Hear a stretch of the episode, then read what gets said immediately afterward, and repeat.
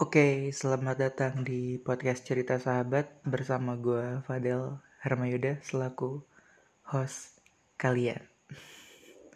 Kali ini gue udah lama banget ya nggak nggak nge podcast. Udah berapa bulan ya? Kayak semenjak gue, eh, semenjak bulan puasa terakhir itu gue up video. Hmm, gue sambil minum ya guys ya.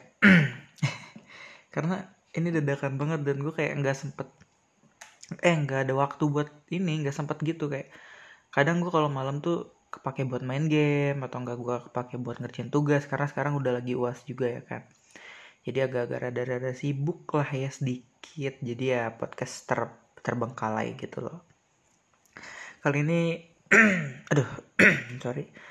Uh, suara gue habis eh suara gue habis gue habis makan jadi kayak masih ada gimana gitu minyak-minyaknya di tenggorokan jadi susah ngomong jadi buat kali ini gue bakal ngebahas hal yang udah kalian tunggu-tunggu dan banyak banget di request yaitu cerita horor. oh my god, gila gue bikin. Sekarang nih gue bikin jam gue bikin jam satu jam eh jam satu dua empat. Setengah tigaan lah. Eh setengah tiga anjing gue kalau udah malam bego anjing. Setengah duaan. Uh, ya di malam yang cukup sunyi. Karena uh, gue cuma bisa mendengar suara jangkrik dan mostly ada suara-suara anjing. Karena gue tinggal di aduh gue masih kenyang banget anjing cuma baru banget selesai makan cuman ya udah lantar kalau misalnya gue tunggu-tunggu lagi keburu ini anjing keburu ngantuk. Gue nih sekarang belum ngantuk jadi gue sempat sempetin buat. Ini betulnya nggak bakal gue edit nggak bakal gue kasih sound apa back sound tambahan kayak salah yang kayak biasa biasanya lah. Banyak yang bilang juga kemarin kayak yang terakhir-terakhir itu suara gue kekecilan terus uh, musiknya kegedean. Nah ya udahlah sekarang mumpung temanya horor gue nggak bakal kasih backsound backsound seperti itu ya. Sekarang netral aja lah kayak gini. Udah lu dengerin suara gue cukup standby aja kan. Lu tidur atau ngapain gitu kan. Sambil rebahan sambil makan sambil ngemil ya kan. Dengerin podcast kali ini yang ceritanya tentang cerita horor. Uh, gue nggak jauh-jauh ya karena gue belum dapat gue belum dapat narasumber dari mana pun tentang cerita horor jadi kali ini gue bakal cerita horor tentang pengalaman gue sendiri. Uh, gue bakal mulai dari mana ya? Banyak banget sih sebenarnya. Uh, mostly gue bakal ceritain cerita gue yang dari eh yang gue udah di Padang ya. Sebenarnya banyak banyak banyak pengalaman yang gue rasakan. Sebenarnya banyak banget cuman karena gue kayaknya sekarang gue bahas yang di sini dulu deh karena biar lebih menarik gak sih? Kayak gue bahas di daerah mereka jadi wilayah mereka. Gue menantang banget padahal gue kemarin takut banget anjing. Oke okay, let's go. Uh, jadi cerita pertama waktu itu gue baru banget uh, sampai di Padang. Tepatnya bulan Januari 2020 eh 2002 eh, enggak Januari 2021 sorry tipe. Januari 2021 yang di mana keadaannya tuh gue masih asing bang sama lingkungan gue dari luar sampai dalam. Maksudnya dari luar tuh kayak ya dari luar rumah gue kayak lingkungan-lingkungan sekitar di depan rumah gue atau enggak tetangga tetangga mostly kayak di sini tuh masih banyak hutan-hutan nggak sama kayak di kota. Di kota kan kayak udah banyak perumahan yang padat banyak lalu lalang kendaraan ya berisik lah gitu. Ibaratnya kalau di kota tuh malam aja masih hidup gitu. Kalau di sini yang bener-bener jam 10 tuh udah nggak ada orang sama, sama sekali. Jadi waktu itu gue baru banget nyampe di Padang. Gue nyampe waktu itu jam 3 sore gue masih ingat banget. Jam 3 sore gue baru nyampe dan gue istirahat. Bete gue punya rumah di sini. Rumah dari keluarga dari keluarga gue jadi gue nyampe nyampe sini udah ada rumah gitu tinggal nempatin doang. Saat itu gue tidur kan. Saat itu rumah masih terbengkalai karena udah beberapa tahun gak ditempatin. Pertama rumah gue emang sebelumnya dikontrakin cuman karena emang gak ada yang kontrak saat, ini, saat itu udah beberapa tahun juga yang nggak ada yang kontrak jadi rumah gue agak sedikit terbengkalai kayak kotor dah segala macem. Gue nyampe nyampe jam 3 itu nggak mungkin langsung beres-beres. Gue tidur uh, di rumah saudara gue karena rumah gue masih berantakan banget. Dan gue terbangun jam 7 malam. Jam 7 malam itu suasana sudah mulai tenang seperti ini. Nggak ada suara-suara berisik. Bener-bener sunyi. Karena di di rumah gue ini lingkungannya cuman keluarga besar gue doang. Kayak lu mau ke depan tuh harus ya lewatin gang. Gue gue gue sebutnya gang cuman karena kalau biasa gang di kota-kota tuh kan kayak gang isinya tuh rumah kiri kanan tapi ini enggak ini gang lu masuk ke dalam kiri kanannya hutan. Sumpah gue merinding banget. Oke lanjut. Jam 7 malam gue terbangun. Gue ajak saudara gue Kayak uh, temenin gue dong gue mau makan gitu kan gue lapar. Karena gak enak juga gue kan makan di rumah dia kayak gimana gitu kan. Ya udahlah. Teman gue eh teman gue saudara gue mengiyakan dengan kayak ya udah ya. Btw dia masih kecil ya gue nggak mau sebutin umurnya dan dia ngapain posisinya saat itu gue nggak mau. Cuman gue ngajakin dia lagi. Gue gue habis bangun tidur terus gue ngajakin dia beli makan. Dia mengiyakan ajakan gue dengan kayak sebenarnya agak ragu karena memang sudah malam. Tidak gue baru sadar setelah beberapa mi, beberapa hari gue tinggal di situ kayak orang tuh kalau udah jam 7 malam udah segan buat keluar. Uh, pertama gue ajak dia masih kayak ragu-ragu ayo gitu maka temenin abang makan karena saat itu gue umur gue lebih tua ya. Uh, gue manggil dia adek dia manggil gue abang. Jadi gue bilang ayo uh, temenin abang nyari makanan di depan gitu. Yang gimana yang dasarnya tuh kalau jam 7 di daerah gue yang lama di kota gue yang lama jam 7 tuh masih padat lalu lintas men. Kayak woi itu tuh jam 7 tuh masih jam pulang kantor. Jadi kayak ramenya tuh masya Allah minta ampun. Ya oke lah dia setelah gue ajak ajak ajak ajak ajak dia nerima tuh. Gue lah gue pergilah ke depan pakai motor kan pakai motor dia pakai motor keluarganya dia. Ke depan melewati kiri kanan yang masih ya kebun-kebun gitu. Gue nggak bisa sebut hutan karena cuma sebagian doang sih. Jadi gue sebut kebun aja. Ada kebun dan persis banget di dekat rumah gue itu ada satu tower towernya tuh udah lama banget sebelum gue kuliah di Padang. Sebelum gue eh pokoknya pas gue masih SMA atau SMP lah itu udah ada tower itu udah berdiri. Dari SD kayaknya udah ada juga cuman karena baru diperjelasnya sekarang karena jalan yang sekarang gue lewatin tuh bukan jalan yang lama jadi ini jalan yang baru. Nah karena dari situ ada tower itu tower yang benar-benar menurut gue salah satu tower creepy yang pernah gue lewatin yang pernah gue lihat gue pergi lah kan. Gue gue gue beli makan. Teman ah, saudara gue bilang makannya di sini aja bang ya atau enggak. Eh makannya di situ aja katanya biar langsung pulang biar terpulang langsung tidur kata dia. Oke okay, kata gue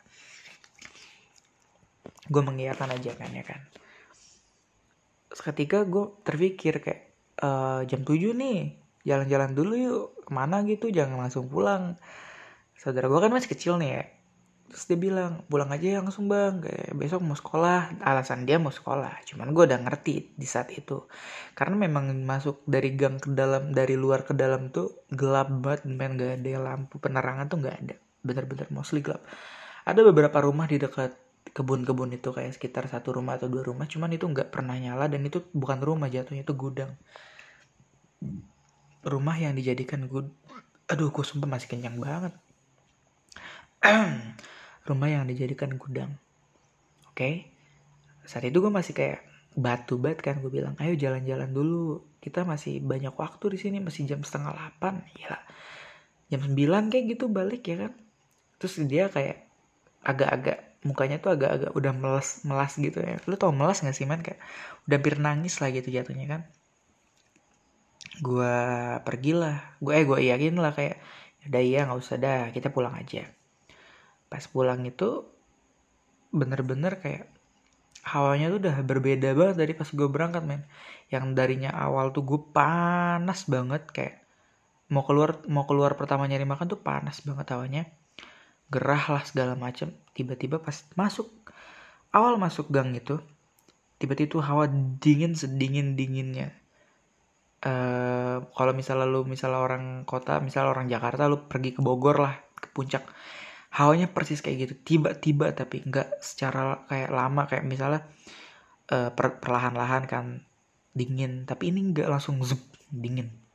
Gue langsung kayak anjir apaan nih? Dingin banget. Aduh sumpah gue males sebenarnya cerita-cerita gini. Cuman ya sudah lah ya.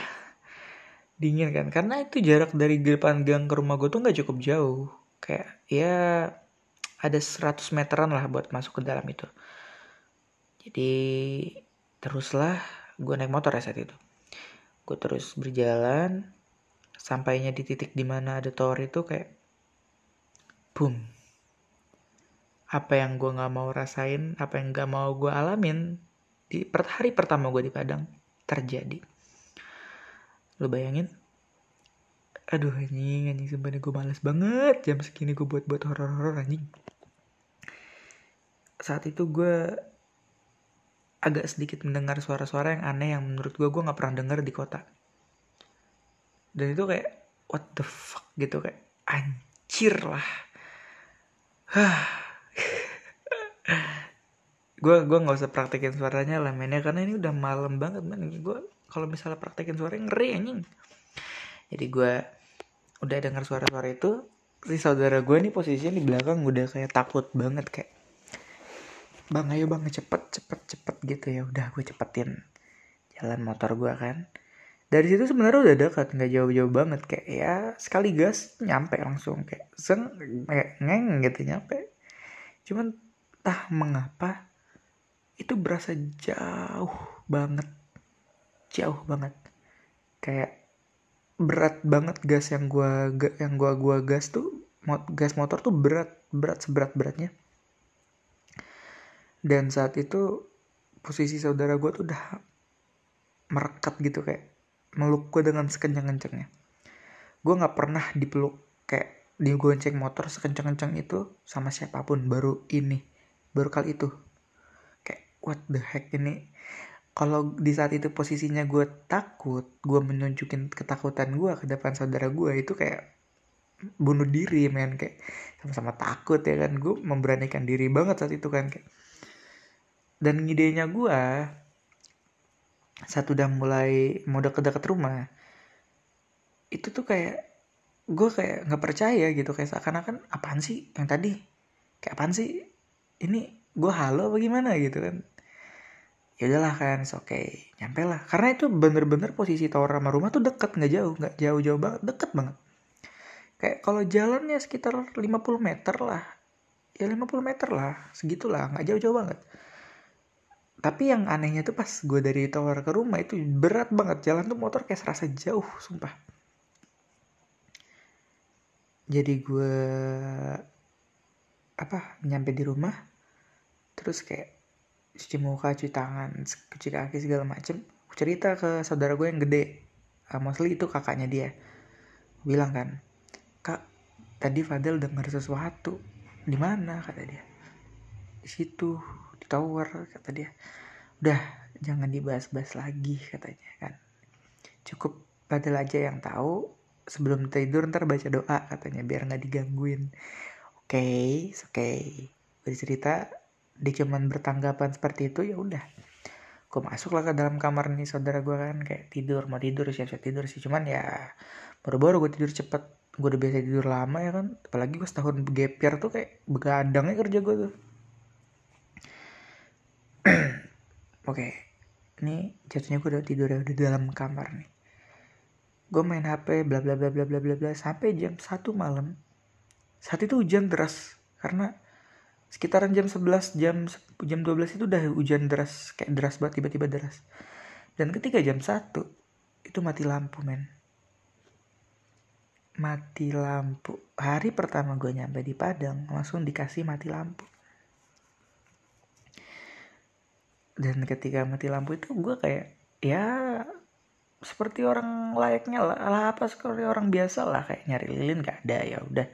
Gue hidupin flash HP gue karena baterai gue waktu itu cukup cukup lumayan lah untuk hidupin flash kan. Gue hidupin flash gue bangunin saudara gue ah, dek dek bangun bangun. Mati lampu. Cuman dia nggak iya gitu kayak cuma udah tidur. Anak tuh kalau misal tidur batu gitu loh kayak tidur batu nggak nggak sadar gitu. entah dia nggak sadar apa entar ketakutan apa entah ketakutan gue nggak tahu ya jadi gue perlahan-lahan bangunin cuman gak bangun ya udah Gue coba. Oh iya, kalau misalnya di sini tuh mati lampu men, jaringan tuh hilang hilang hilangnya mau jaringan jaringan yang Telkomsel lah, Telkomnet lah, apalah gitu provider yang bagus tetap hilang men. Gak ada atas dasar mati lampu, jaringan pasti hilang. Gabut kan gue, gue nggak ada game offline saat itu, nggak ada apa, nggak ada yang bisa gue mainin juga saat itu kan. Jadi gue dengarlah lagu, gue denger lagu. Gue denger kenceng kan karena emang suara hujan tuh deras banget. Jadi ya kalau gue kecilin suara HP gue nggak bakal kedengeran apa-apa. Gue kencengin suara HP gue lagu gue kencengin. Tiba-tiba ini kan posisinya gue tidur uh, menghadap depan gue tuh jendela. Jadi gue menghadap ke jendela itu kayak jendela itu di bawah kaki gue gitu kayak uh, di depan kaki gue tuh jendela gitu. Jadi gue menghadap ke jendela. Saat itu gue tidur ada petir. Itu petir yang bener-bener petir gede banget sampai kayak ini hordeng nih ya hordeng. Kan hordeng dia tuh hordeng putih gitu kan transparan. Tapi ada dua lapis hordeng dan itu sama-sama putih tetap transparan. Cuman yang hordeng lapis kedua itu cukup cukup buat untuk apa cukup untuk kayak menutupi orang yang dalam gitu men. Saya itu udah ada petir kenceng banget sumpah kenceng sekenceng kencengnya. Dan sampai terang gitu kamar tuh karena cahaya petirnya dari tes. Tiba-tiba di balik jendela tersebut ada sesuatu yang juga melihat dari arah mereka dari arah dia melihat ke gue ya nggak usah aku sebutin sosoknya. Ya, berbaju putih dia menatap dengan tajam gue gak ngeliat matanya cuman mostly dia persis banget ngadepin ke gue dengan posisi badan yang cukup tegap dan tinggi. Kata gue astagfirullahalazim astagfirullahalazim gue mencoba untuk tidur gue mencoba untuk tidak takut cuman kayak what the fuck? Kayak ini nggak bisa. Gue harus keluar. Gue keluar gue mau keluar tapi langkah gue berat banget seberat beratnya langkah gue nggak bisa kayak jalan satu langkah tuh susah banget men. Sumpah saat itu jalan satu langkah susah banget. Dan gue kayak oh my god ini kenapa? Gak pernah gue kayak gini. Itu posisi masih ada di situ ya btw masih ada di situ lama banget lama. Kayak setiap ada kilat kilatan dari petir tes tes tes itu kayak menampakkan terus kayak ada terus gitu di situ. Gak pernah hilang tibalah saat di mana uh, ayahnya saudara gue ini dia nyalain lampu eh nyalain lilin. Gue teriak om om om. Dia masuk ke dalam. Gue bilang om itu di balik jendela ada orang kata gue terus dia langsung buka jendelanya set. Gak ada deh lah katanya. Orang apaan? Orang di sini juga tembok. Temboknya tuh langsung mengarah ke rumah saudara gue satu lagi dan itu nggak mungkin bisa dilewatin orang karena sempit banget tapi gue bilang tadi beneran di sini depan ada orang. Ah itu malu aja kali. Karena kata saudara gue atau om gue itu. Ya mungkin halu ya cuman ya udahlah. Oke selesai. Gue tidur gue lanjut tidur. Saat selama gue tidur sampai ke pagi hari gak ada hal-hal aneh yang gue rasain. Cuman ya orang baru gimana sih pendatang gitu men? Kayak bukan rumah lu apalagi bukan kamar lu ya susah tidur men.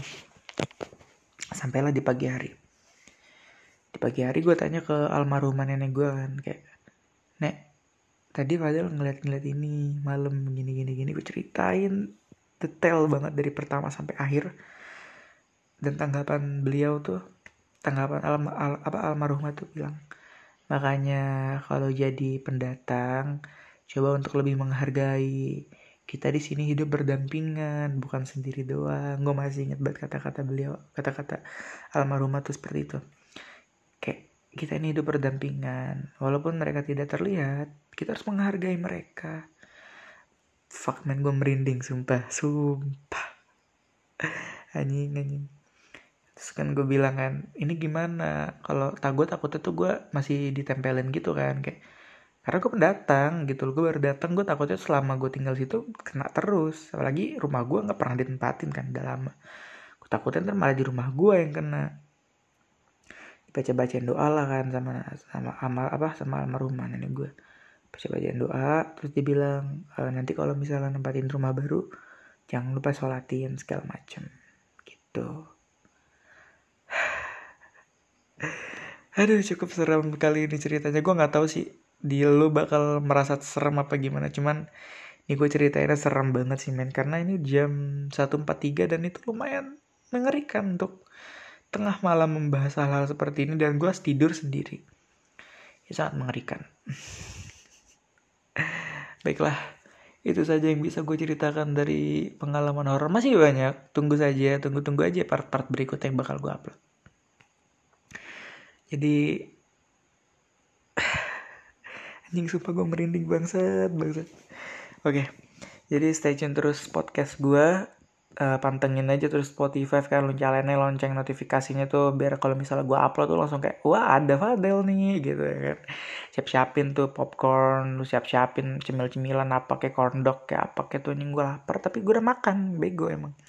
Siapin siapinnya cemilan atau enggak lu buat pakai tidur nih podcast juga seru ya kan ya kan dengerin orang gabut ngomong. Masih merinding anjing. Oke. Sekian dari aduh ya masih kencang banget gue men sumpah. Oke sekian dari cerita gue kali ini. Semoga kalian bisa terhibur dengan cerita horor yang kali ini dan first time gue cerita horor di podcast cerita sahabat. Kalau misalnya ada kekurangan mohon maaf karena gue ya kurang persiapan karena ini tiba-tiba aja gue ngide buat buat buat konten gitu kan. Kayak gitu aja yang gue bisa sampaikan. Terima kasih buat kalian yang sudah mendengarkan gue Fadil Hermeda pamit undur diri. Sekian terima kasih